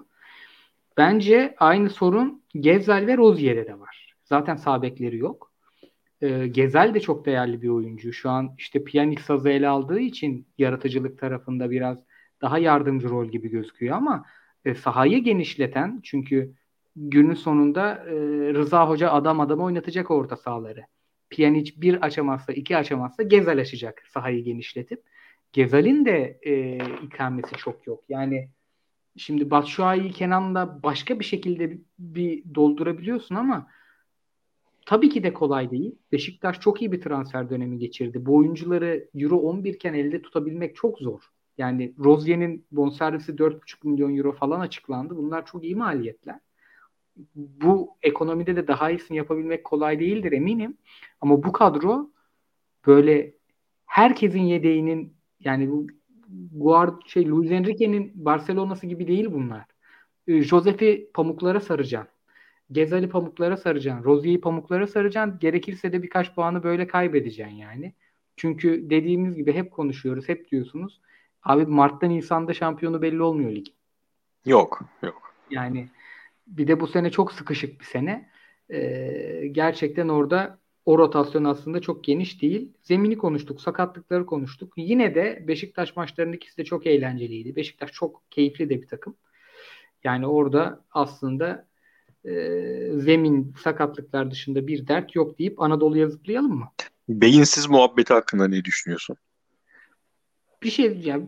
Bir kere Sergen Yalçın kendisine söylendiğinde çok sinirleneceği ne varsa yorumcuyken söyledi. Biz de bu programda dile getirip güldük. Bunun bagajını taşıyacak. Herkes taşıyacak. Evet, evet. Yani bir gün atıyorum ben şu an gaming sektöründe bir ajans yönetiyorum. Benim mesleğim o. Bir gün o ajans der ki Koray biz gaming tarafını başka birine emanet ediyoruz. Sen spor tarafında bir ajans yöneteceksin derse benim podcast'te söylediğim her şey teker teker götüme girer. Ben bunları bilerek konuşuyorum. Küfür et, ettiğim her küfür. Subjektif olduğum her şey benim önüme çıkacak. Ben bu riski alıyorum. Sergen Yalçın da aldı o riski. İspanya'da kariyer hayali kuruyorsanız, İspanyolca öğreniyorsanız yorumcuyken söylediğiniz bagajları da e, o plana dahil etseydiniz etmemişsiniz. Olabilir yani ölüm yok. Balotelli'nin yaptığı da anormal bir şey değil. Ben Beşiktaş'ın ne tepki gösterdiğini anlamadım. Biri bana maçtan önce beyinsiz dediğimi söylese ben de gol attıktan sonra kafayı gösteririm yani. Ki burada komik olan bence Sergen Hoca o dediğini unutalı 10 sene olmuş zaten. 10 sene önce söylemiş aynen, ve aynen. söylediği an unutmuş. Muhtemelen şeyi yorduğu için o kadar sert, sert konuştu. Ben bunu istemedim takıma o yüzden gelip bana böyle hareket ya- yaptı olarak yordu. Adam unutmuş. Aynen. Ama abi bak biz de çok yapıyoruzdur muhtemelen. Ana akımdakiler çok daha fazla yapıyor. Bu yabancılar için kullandıkları kelimeler seçtikleri cümlelerle yerliler için seçtikleri cümleler arasında dağlar kadar fark var. Yani atıyorum öyle bir şeyi Batuhan yapmış olsa Sergen Hoca muhtemelen yine öyle düşünür. Ama aynı kelimeyi Batuhan için kullanmaz değil mi? Evet. Ama Balotelli ol yabancı mesela işte bu saçma sapan gazetelerin internet siteleri. Bilmem kim futbolcunun karısının çok özel pozları falan. Bunları gönül rahatlığıyla yapabiliyorlar. Çünkü neden? Yabancı abi. Oturup çay içmeyecekler adamla. Aynen ya bu Sergen Hoca'nın yorumculuk döneminin ona bir sürü katkısı olmuştur abi hocalığına. Bir sürü katkısı olmuştur. Bazı da zararları olacak yani. Ben kendimden de verdim örneği. Olacak yani. Yaptığım her aksiyonu negatif, pozitif geri dönüşleri olacak yani. Balotelli de ya ben mesela Balotelli'nin ben Montella olsam 10 kere izletirdim yani. Herif zaten o video yüzünden girmiş oyuna yani gayet normal hikayeler. Stefan Ya Kuntz'un dediği başka bir futbol başka bir futbolcu olsa ben de izletirdim de ben Balotelli'ye muhtemelen izletmezdim abi. Ters teper derdim. Ben bunu şimdi bunu izletir oyunu alırsam kırmızı görüş çıkar bu herif 5. dakikada diye düşünürdüm. Ki yaptığı hareket kırmızıymış zaten. Öyle miymiş? Evet. Kulübede hoca, rakip takımın hocasına hareket, kulübedeki ismi hareket kırmızı kartmış. Ben Stefan Kuntz muhabbetinde ben Sergen Hoca'ya hak veriyorum bu arada. Yani Abi orada çevirmenin hatası varmış. Ben Fatih Demirel'e sordum. Yani Evet. o öyle çevrilmez dedi. Genelde hoca yani Almancadan bir şey çevirirken jargonuyla çevirirsin ya. Bir ara Güntekin olay bokunu çıkarmıştı bunu hatırlıyorsun. Lucescu'nun dediklerini komple çevirmiyordu. Yani aslında çok sempatik bir şey söylerken hani çok kötü bir hale getirdi. Stefan Aa, arada çok aa. güzel toparladı onu. Lost in Yani- Translation olmuş da. Abi işte ama yani bu adam senelerdir söylüyor. Tamam Stefan Kuntz bunu bilmek zorunda değil de herhalde e, futbolculuğu üzerinde en çok goy goy yapılan oyuncu Sergen Yalçın ve bıkmış adam belli ki. E, 50 yaşına gelmiş bir insana da sürekli disipliniyle, futbolculuğundaki şeyiyle ilgili şaka yapılması gerekiyorsa kendim yapıyorum kendim hakkımdaki şakayı kardeşim. Sen bana niye şaka yapıyorsun o konuda diyor muhtemelen. Abi bir de şey çok hakikaten sıkıntılı ya. Adam şampiyon olmuş Beşiktaş'ta. Yani bir insanın daha büyük ne hayali olabilir ki?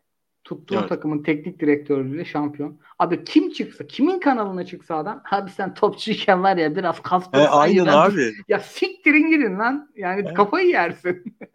Ya gerektiği zaman kendim dalga geçerim kendimle diyordur. Aynen. Çok yüz buldu. Bir de Evet çok evet. arkadaş canlısı bir adam röportajlarda. Zaten eşinin yani sevdiği insanlarıyla çıkıyor herhalde. Yani mesela ben Candaş Tolga'nın sorduğu soruların birçoğuna utanırım. Bizim de bir tane Sergen Yalçın'ımız var diyor. Ne yapayım abi? Kestireyim mi sol ayağı yani? Tamam salın da 50 yaş herif o kadar temiz söyledi ki şunu. Ya benim 20 yaşındaki hareketlerimi 50 yaşındayken yargılıyorsunuz. Ben Evet, o zaman aynen. çok geziyordum. Şu an beni evden çıkaran bo- eve bomba at çıkmıyorum evden. Çıkamıyorum. Değiştim. Hala o Sergen'i 50 yaşındaymış gibi konuşuyorsunuz diyor. Adam daha ne desin lan? Yani daha ne desin? Ama Der- Balotelli- bu arada o şey Onu- hemen buyur abi sen söyle ben şey Onu bitireyim. konuştuğumu, konuştukları kadar şeyi konuşsalar belki bu ülke futbol hakikaten daha başka yere gelirdi. 25-26 yaşındaki Sergen Yalçın'ı bir tane e, yöneticinin kibrine meze edip yok pahasına o yaşında nasıl Beşiktaş'tan uzaklaştırdınız da 7 senesi heba oldu ya adamın. Hem o Aynen. adamın 7 senesi heba oldu hem sizin 7 seneniz heba oldu. Aynen. Nasıl yönetici denen bir insan o konuma gelebiliyor bu ülkede? O zamanlar o konuşulsaydı Sergen Yalçın'ın disiplinsizliği falan yerine belki daha başka şey konuşurduk. Net. Bu arada Sergen Hoca kendi söyledi. Ben bilmiyordum. Şeker hastasıymış adam. Hmm, doğru. Yani e, bu Sinir. yapar. Yapar. Diyelim e, yani Beşiktaş'ı da takımda bir şey yok ama dış etkenler sıkıntılı. Abi Gerçi saat o- bak, ondan sonra program yapınca kafa çok gidiyor zaten. Ben ne söyleyeceklerimi toparlayabildim, ne maçları doğru düzgün hatırlıyorum. Bu bölümde Evet. böyle olsun diyelim. şey, bir de kıyıcıyla programa başlayıp da kıyıcı gitti ya ilk defa başına Aynen. Böyle bir şey olduğunda komple yapmıyorduk normalde. Daha önce birimiz düştü. Diğer ikimiz devam etmedik hiç. Canımız sıkılıp bıraktık ama hocam işte canlı yayınlar falan bize de bir profesyonellik geldi hocam. Geldi geldi. geldi.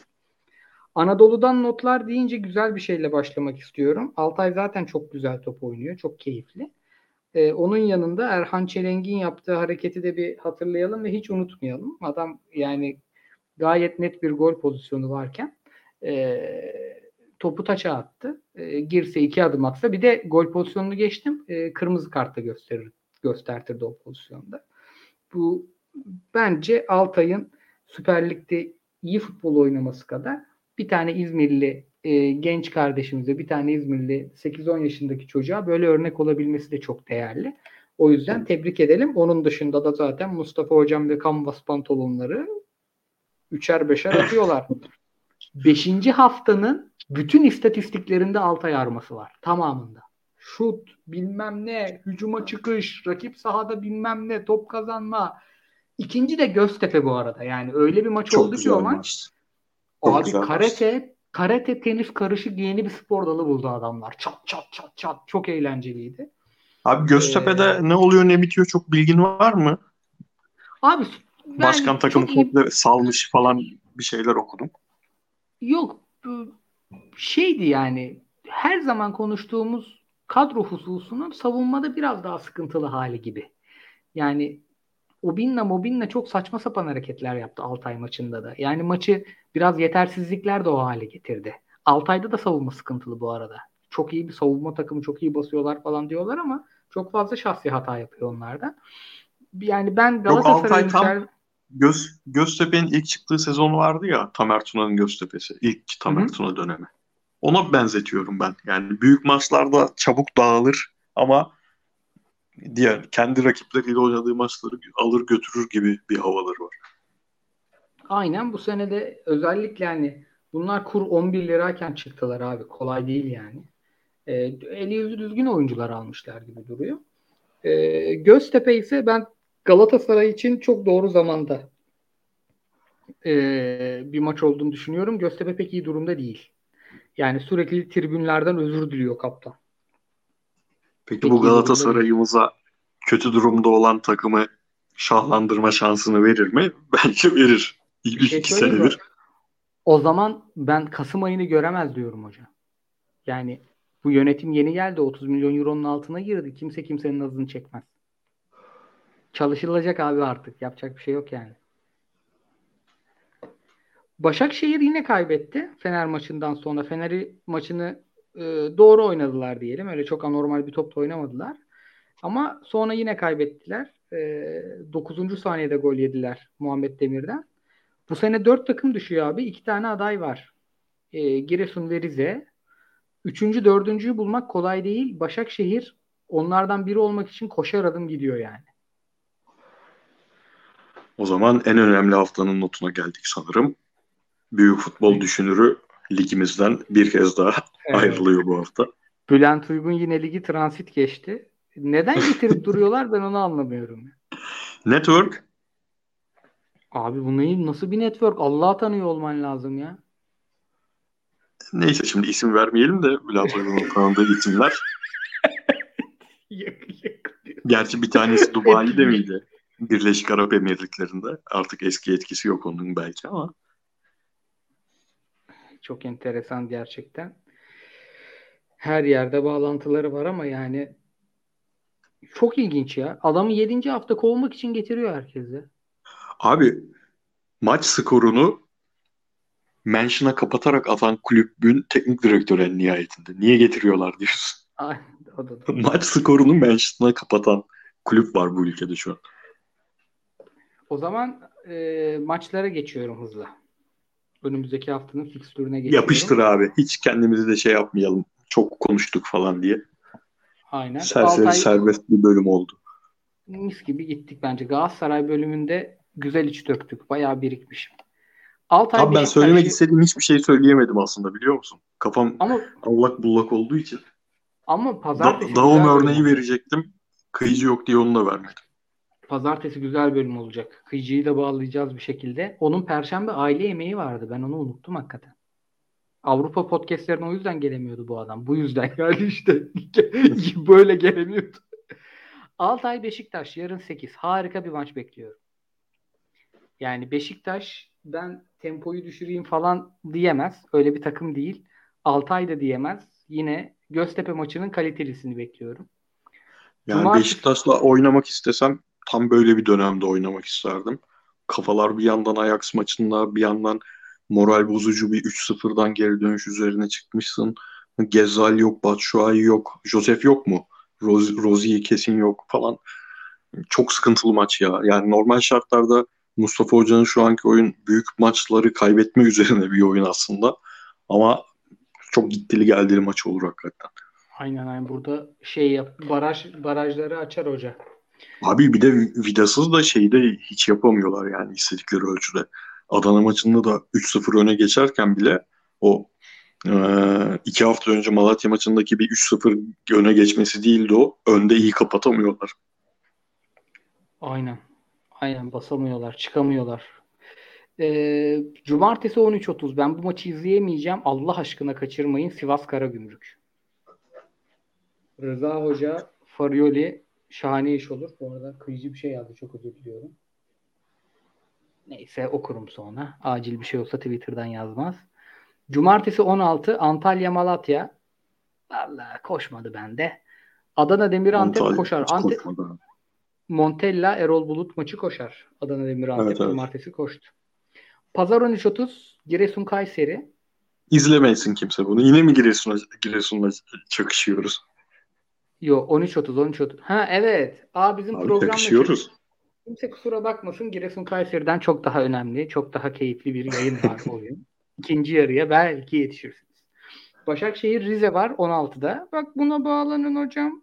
Düşme potası için çok kritik mücadele. Rize bakalım Acayip kadar kritik. hoca getirebilecek mi?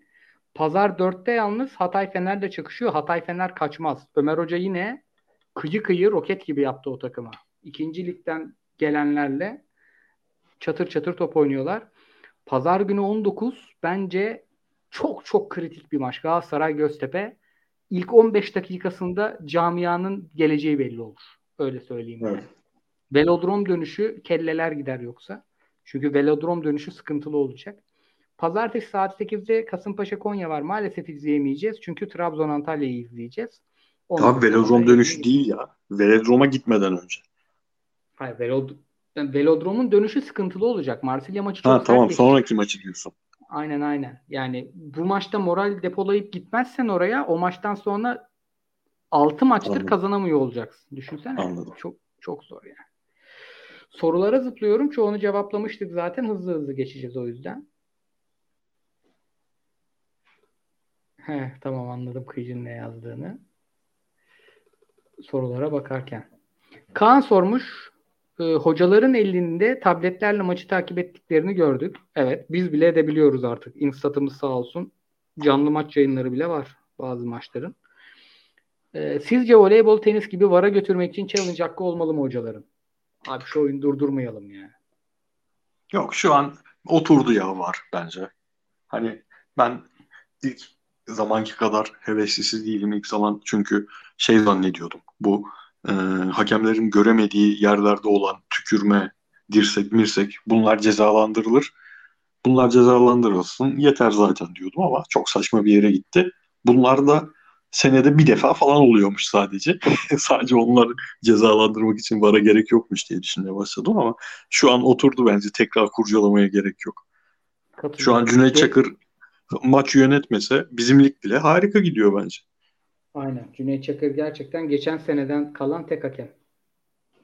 Kötüsü bile değiştirdi. Başka bir evet, kötü abi. ama Cüneyt Hoca değişmedi. Abiler selamları yayınlar demiş Devrim. Galatasaray'ın olay çektire çektire kaybettiği bu hafta tabii ki futbol dışı bir soru sormak istiyorum. Şimdiden bir ekran klasiği haline gelen ilk canlı yayınımızla alakalı ne söylemek istersiniz? hocam, hocam çok teşekkürler. Bu hafta biz de futbolun bir iki dakika dışında çıkacağız. FIFA 22'yi konuşacağız beraber. Selamları yayınlar demiş Wunderkind. Abi konuştuk diye geçtim bu soruyu. Var mı eklemek istediğim şey? Abi ya şeye güldüm. Tottiler Messi'ler ilk kez ekranda yazıyordu ya yayın girişinde. Bu hafta da şey yazacak. Tottiler Messi'ler ikinci kez ekranda. Ama küçük harflerle yazacak. Valla ilk yayında 12 bin 13 bin izlenmeyi gördük ha. Fena değil yani. İzle, abone sayısının 5'te biri iyidir. Yani pardon onda biri iyidir. Biz 5'te birine yaklaştık. Selamları yayınlar demiş Wunderkind. Galatasaray ve işin teknik taktik tarafındaki yetersizlik bir yana sizce he, topçular hocayı istemiyor ve hocayı yemeye çalışıyor olabilir mi? Öyle topçu yok ya. Abi zaten bir hocayı yeme muhabbeti yapmıştık daha önce. Hocayı yeme hiçbir zaman ya ben bu herifi sevmiyorum. Nuri gel bilmem kimi de yanımıza alalım. Top oynamayalım öyle hocayı yiyelim olarak gerçekleşmiyor. Yani belli sebeplerle belki işte taktiğine inanmadığından bireysel ilişkilerinden belli bir sebeple bir hocayla bağın kopuyor ve bu yaptığın işe de yansıyor yani. Çıkayım kötü oynayayım diyerek yansımıyor. Sen istemeden yansıyor. Ancak öyle bir durum olur. Yani oyuncu şunu görüyordur abi. Ya ben bir tane hata yapıyorum. 10 maç çok iyi oynarken bir tane hata yapıyorum. Kesiliyorum 10 maç yokum. Babel bu takımı girdiği her maç bu takım puan kaybetmiş. Bu adam yine girmeye devam ediyor. Bunu bana belki anlatabilirsin ama profesyonel sporcuya anlatmak bunu çok zor. Böyle bir kopuş olmuş olabilir. Henry'nin de sorduğu 3 mentionlık soru bununla ilgiliymiş. Sağ olsun. Hani oyuncuların birbirleriyle arasındaki ilişki de sıkıntı diyor. Kavgaya da birlikte girmiyorlar. Biri düşünce de kaldırmıyorlar.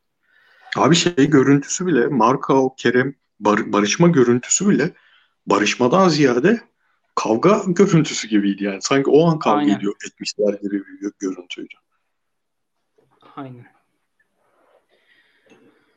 Bekleri de sormuş Henry. Gerçekten bek problemimiz var ya. Topla var oynayan, var yani. Topla oynamak istiyoruz ama hiç topla oynayacak takım bekleri almamışız diyor. Çok haklı bence. Abi saha içine o yüzden ben çok fazla girmedim. Saha içinde e, ekstradan eleştirilecek bir maç değildi bu. Yani boyu yokken ben Van Arnold transferinin en başından en anlamadığım transfer. E, hani şey o, o ya lig seviyesi değiştiği için oyuncu burada daha kaliteli görünürü falan bu ligde geçti artık olmuyor yani. Bu Fernando'ysan oluyor yani. City'den gelen oyuncu da oluyor da. Crystal Palace'da bile sakatlığı sonrası kesik yiyen adam da olmuyor. Galatasaray çok net sıfır bekle bitirdi maçı. Yani evet. o açıdan maçın kaybedilmesi o anlamda sürpriz değil. Galatasaray zaten harika çalışmış olsa bile süper futbol oynama ihtimali yoktu bu maçta. Bizim tepkimiz denememesine. Aynı şeyleri denememesine. Bir metot rakip, görmemek. Aynen. Rakibin de çok fazla dezavantajı vardı çünkü. Evet. Ya benim bu stoperlerle gol yememem imkansız diyen Hikmet Karaman yani o da bakınca onu görüyordu. Kolabeksiyoruz, Kolabeksiyoruz abi. Çok kötü durumda. Sakatlık vardı. Sakatlıktan çıkanlar vardı. Zaten, zaten abi şeyi o da tercih etmesini bilir. Alanya'nın Bülent Korkmaz'ın tercih ettiği futbolu o da tercih etmesini bilir. Ama onu tercih etse stoperlerini kendi ceza sahasına gömse bu maçta aldığı sonucu alma ihtimali olmadığını biliyor. Çünkü Galatasaray en saçma sapan ortaları bile yapsa bu stoperler o hatayı yapmaya müsait. Onun yerine adam bir tercih yaptı. Ben bunları öne çıkarayım dedi ve tuttu. Aynen. Aynen. Bu arada Joseph 11 mi demiştin abi? Şimdi bakabildim. internetten dolayı Joseph şey e, kamp kadrosunda var. Hmm, tamam. En azından savunma kısmında daha tutarlı bir takım olurlar. Roma 10 kişi kaldı bu arada. Locker Room Fantasy sormuş. Berkan her maç bu kadar koşarken onu 6'da sınırlamak ne kadar doğru? Box to box olarak kullansak. Aa şey Kıyıcı'nın çözümü bu. Kıyıcı diyor ki kanat oyuncusu oynatmayalım. Baklava bir 4-4-2 ile sol iç Berkan, işte 6 numara Taylan ya da Asunsao, e, sağ iç Çikaldao ve önlerinde Murutan ikinci forvet işlerini yapacak Halil ve bir tane Poacher'la bu takım 2011-12'deki gibi ortayı merkeze iyi kapatarak 3 puan yazmaya başlayabilir. Önce 3 puan yazması lazım artık diyordu. Ama Abi ben bek yok be. Onu yapacak bek evet, yok. Evet. Yani bize üçer tane daha açık lazım öyle söyleyeyim. Evet. Kıyıcıya sormuş İkone. E, zaten biz aramızda bunu konuştuk. Sana gelmiş Medlötizye'den soru. E, Taylan'ın 6 numara için fizik yeterliliği, 8 için yeteneği yok bence demiş. Fris hocam nereye koyacağız bu çocuğu diye sormuş. Abi fizik yeterliliğe şu anlamda katılmıyorum. Ee, o bölgede oynayan oyuncunun fizik yeterliliğini belirleyen şey aslında takımın duruşu. Yani takım yeterince iyi daralabiliyorsa, alanları çok fazla açmıyorsa, stoperle santrafor arasındaki mesafe hücumda da savunmada da belli seviyede korunuyorsa orada oynayan oyuncunun öyle uçup kaçan fiziğe sahip olmasına gerek yok. Çünkü Galatasaray'ın geçen sene bunları yapabildiği 7-8 maçlık süreçte böyle defolar görünmüyordu Tayland'da. Çünkü oyuncu da defoyu gösteren şey çoğu zaman organizasyon oluyor. O yüzden hani ben şeye katılıyorum. Ee, Galatasaray'ın o bölgesinin en net oyuncusu olmadığına katılıyorum. Ama bunun sebebi fiziği değil, değil bana göre. Aynen. Yani, yani kullan, kullan, kullanacağım yerde Asun, Asun Suay'ı daha görelim bakalım. Asun Sua oraya oturursa hani şey çok bariz. E, oyun aklı Tayland'dan şu an daha yüksek ve daha çabuk karar veriyor. Galatasaray'ın oyununda en ihtiyacı olan şey o pası çok hızlı çıkarabilmesi yani düşünmeden çıkarabilmesi ki önünde Çikaldao olduğu zaman Çikaldao kendi rolünü çok net anlamış durumda. Morta'nın anlaması gerekiyor şu an. Çikaldao da o pası çok hızlı seri şekilde Mortan'a çıkarabilsin ki Galatasaray oradan hücumunu e, belli seviyeye getirebilsin. Önce bir Asın Sua'yı görelim ondan sonra Taylan sanırım Asın Sua'yı dinlendirme oyuncusu olarak kullanılacak. Ben de şeye katılıyorum yani. 8 falan oralar Taylan hiç olmadı olmuyor zaten. Sinan sormuş. Maçtan, Trabzon maçından önce sormuş bu arada. Ee, Trabzon'da Vakayeme'yi seyrederken sinir krizi geçiren bir ben miyim? Ezdiği top basına yaptığı, ezdiği top başına yaptığı olumlu iş eksilerde takımı çok yavaşlatıyor. Savunma defeklerine rağmen taraftarın boyunca tapmasını yediremiyorum demiş. Abi tam tersine oynadı herif ya bugün. Ve yaptığı işlerin benim gördüğüm en iyi kanat oyun kurucusu olabilir.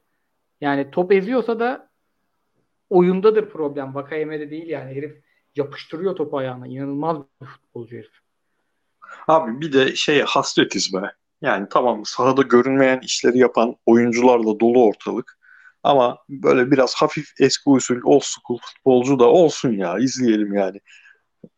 Dediği gibi arkadaşın oyunu yavaşlatsın, takımı yavaşlatsın ama karşılığında verdiği şeyler bu adamın iki buçuk senedir o kadar üst düzey ki üst düzey olmasından da öte yani göremediğimiz şeyler. Başka oyuncularda güç yani çok kalmadı böyle oyuncular. O yüzden ben hani teknik direktör olsam belki arkadaşın dediği gibi düşünürdüm ama izleyici olarak bana zevk veriyor abi adamı o şey o oyununu görmek. Ha, tuttuğum takımda oynasa ben de belki ulan Babel'e döndü herif falan iyi oynayamadığı maçlarda öyle ha, triplere girerim onu bilmiyorum. Vallahi ben bu sene bile onun formasını alırdım ya. Öyle hayranım herif. Enigma sormuş Galatasaray Göztepe karşısında muhteşem top oynarsa sevinir misiniz, sinirlenir misiniz? 3-0'lık mağlubiyet üzerine hoca kafa patlatıp bir top oynarsa e, Paşa'ya Kayseri'ye niye kafa patlatmıyorsun hocam diye düşüneceğim ben şahsen demiş. Ben hiç bunları düşünmem. Lütfen kazansınlar. yani. evet iş şeye gidiyor şu an biz yeniden şeyi bıraktık. Ee, ya skor önemli değil oyunu görelim'i bıraktık. Şu an iş 11. sırada Galatasaray. Bir an önce 3 puanlar gelmeye başlasın. Galatasaray 2 senedir hiç yaşamadığı 4 maç 5 maçlık kazanılma serilerine başladı. Bu çok sinir bozucu. Aynen abi. İlk 6 haftada hangi takım beklentilerin altında kaldı? Hangi takım beklentilerin üzerine çıktı? E 11. Güzel. Galatasaray. E, 3. Hatay ve 5. Altay. 6. Konya'da bence beklentinin üzerindeki takımlar. 11. Galatasaray beklentinin altında. Ee, Adana Demir diyen olur. Biz böyle bekliyorduk zaten. O yüzden çok bir şey yok bende.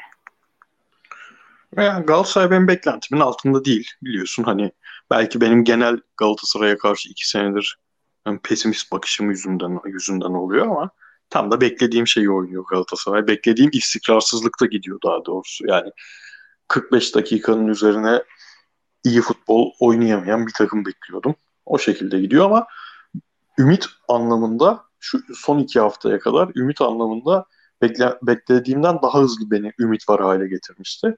Ee, beklentimin altında kalan en net takım Trabzonspor. Ben Trabzonspor'dan çok daha sağlam bir ben bu ligin şampiyonluk adayıyım futbolu bekliyordum. Ee, hiç beklediğim gibi oynamıyorlar. Çok rakiplere göre e, inişli çıkışlı oluyor maçlar. Ki son dönemde iniş çıkışla geçti. Tamamen iniş şeklinde gidiyor. Son maçlarını izlemedim tabii onu kenara koyuyorum. Başka yani Adana Demirspor'dan ben sık, daha e, skoru alabilen bir takım bekliyordum ya. Yani şu anki puan durumunda olmalarını hiç beklemiyordum. Onlar da beklentimin altında kaldı. Beklentimin üstünde Hatay ya net Hatay. Net ya adam kimleri kaybetti devam ediyor. Evet. Fatih Terim Galatasaray'dan ayrılırsa en iyi tercih kim olur? Biz şu an boşta tek imza hoca Fonseca var diye bakmıştık değil mi abi? Ya Favre var ama Favre yani e, şey hocası değil. Baskı altında çalışma çalışma hocası değil. O yabancı teknik direktörleri olan klişeler var ya buraya gelsin 3 günde Allah'ını şaşırır. Harbi Favre tam o adam. O yüzden ben Favre istemem. Fonseca'yı da hani Ukrayna'da çalışmış en, en nihayetinde. İtalya kariyeri gereğinden kısa sürdü. Bence hani tabii Mourinho getirdi sonra bir şey de diyemiyorsun ama çok güzel futbol izletiyordu herif. O anlamda hani kanda tutarsa yürüyebilir. Ben daha şey taraftarıyım abi. Ben belki romantik görülebilirim.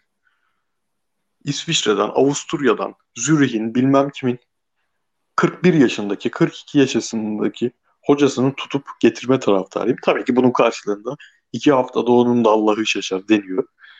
Ama işte yeniden yapılanma diyorsan öyle olur abi yeniden yapılanma. Yani şu anki şey maalesef çelişkilerle ne olduğu belli olmayan bir durum.